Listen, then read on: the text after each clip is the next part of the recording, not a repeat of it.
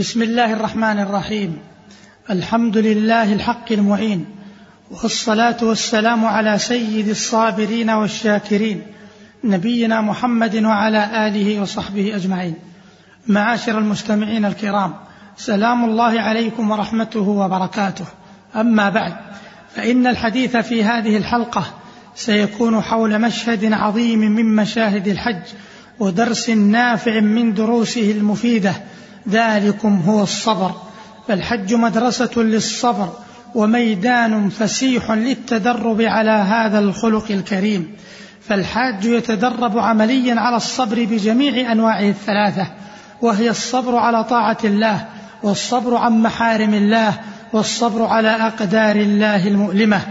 فالحاج يصبر على بذل المال وبذل الجهد البدني ويصبر على ما يلاقيه من فراق الأهل والأولاد والبلاد والأملاك ويصبر على ما يواجهه من إرهاق وتعب ونصب وزحام في سبيل الوصول إلى البيت العتيق وأداء النسك ويصبر عن ملاذه التي تحرم عليه حال الإحرام من نساء وطيب ونحو ذلك ويصبر على ضبط نفسه عن الغضب خوفا من فساد حجه أو نقصان أجره. ويصبر على قلة النوم وكثرة التنقل ونحو ذلك مما يصبر عليه. وهكذا يتبين لنا عظم الارتباط بين الحج والصبر ويتضح لنا أن الحج سبيل إلى اكتساب ذلك الخلق العظيم الذي أمر الله به وأعلى مناره وأكثر من ذكره في كتابه وأثنى على أهله القائمين به ووعدهم بالأجر الجزيل عنده. قال الله تبارك وتعالى واصبر وما صبرك إلا بالله. وقال عز وجل ولمن صبر وغفر إن ذلك لمن عزم الأمور. وقال عز وجل يا أيها الذين آمنوا اصبروا وصابروا ورابطوا واتقوا الله لعلكم تفلحون. وقال عز وجل وبشر الصابرين. وقال النبي صلى الله عليه وسلم في الحديث المتفق عليه ومن يتصبر يصبره الله. وما أعطي أحد عطاء أعظم ولا أوسع من الصبر. وقال أمير المؤمنين عمر بن الخطاب رضي الله عنه وجدنا خير عيشنا بالصبر. وقال أفضل عيش أدركناه بالصبر ولو أن الصبر كان من الرجال كان كريما. وقال أمير المؤمنين علي بن أبي طالب رضي الله عنه الصبر مطية لا تكبو. وقال الحسن رحمه الله الصبر كنز من كنوز الخير لا يعطيه الله إلا لعبد كريم عنده. معاشر المؤمنين والحاج المحتسب إذا أوذي أو شتم لا يغضب ولا يقابل الإساءة بمثلها ولا تضطرب نفسه ولا يثور لأتفه الأسباب كحال من لم يتسلحوا بالصبر. فترى الواحد من هؤلاء يخرج عن طوره وتثور نفسه وتضطرب أعصابه. أما الحاج المحتسب فتراه هادئ النفس ساكن الجوارح رضي القلب.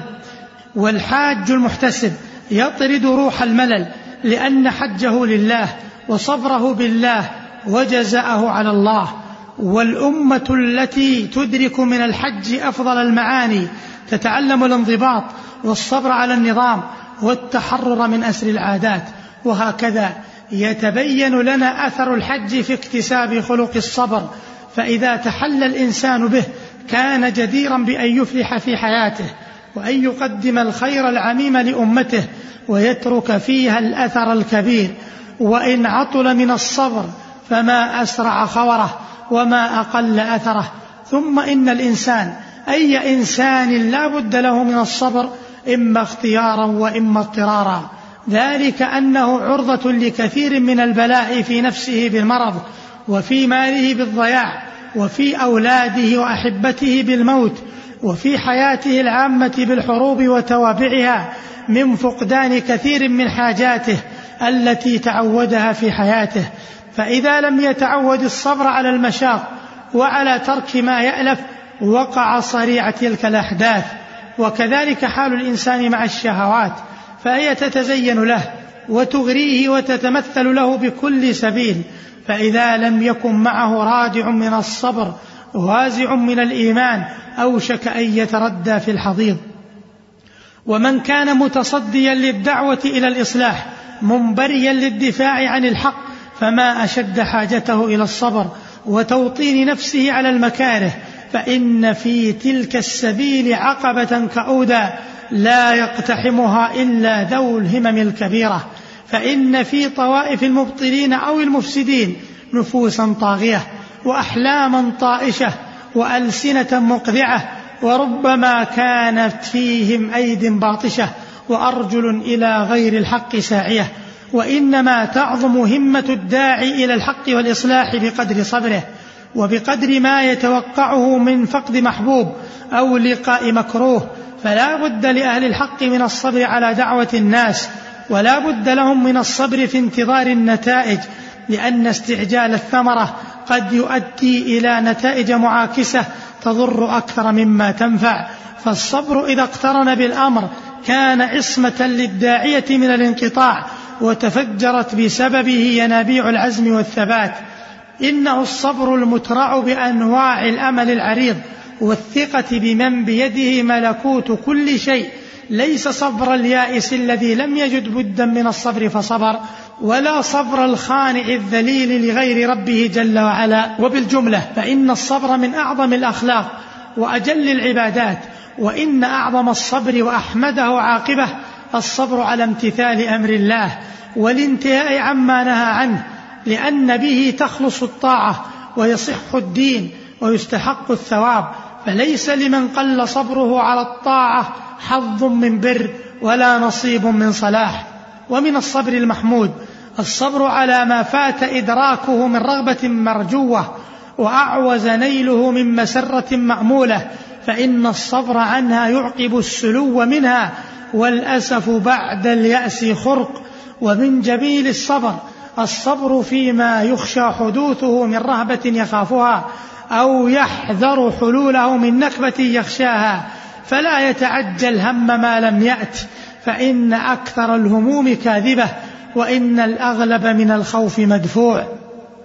ومن جميل الصبر الصبر على ما نزل من مكروه أو حل من أمر مخوف فبالصبر في هذا تنفتح وجوه الآراء وتستدفع مكائد الأعداء فإن من قل صبره عزب رأيه واشتد جزعه فصار صريع همومه وفريسة غمومه. وكما أن الأفراد بأمس الحاجة إلى الصبر فكذلك الأمة. فأمة الإسلام كغيرها من الأمم لا تخرج عن سنن الله الكونية فهي عرضة للكوارث والمحن وهي في الوقت نفسه مكلفة بمقتضى حكم الله الشرعي بحمل الرسالة الخالدة ونشر الدعوة المباركة وتحمل جميع ما تلاقيه في سبيلها برحابة صدر وقوة ثبات ويقين بأن العاقبة للتقوى وللمتقين وهي كذلك مطالبة بالجهاد في سبيل الله لإعلاء كلمة الله ونشر دين الله وإزاحة ما يقف في وجه الدعوة من عقبات فلا بد لها من الجهاد الداخلي الذي لا يتحقق إلا بمجاهدة النفس والهوى.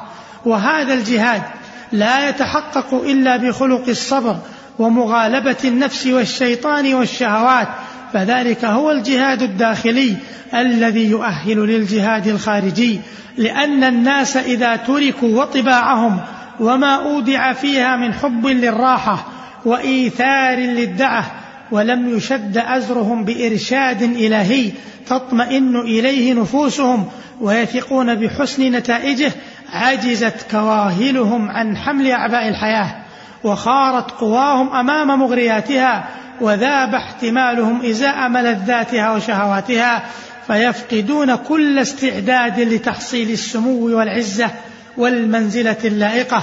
فلهذا اختار الله لهم من شرائع دينه ما يصقل أرواحهم ويزكي نفوسهم ويمحص قلوبهم ويربي ملكات الخير فيهم.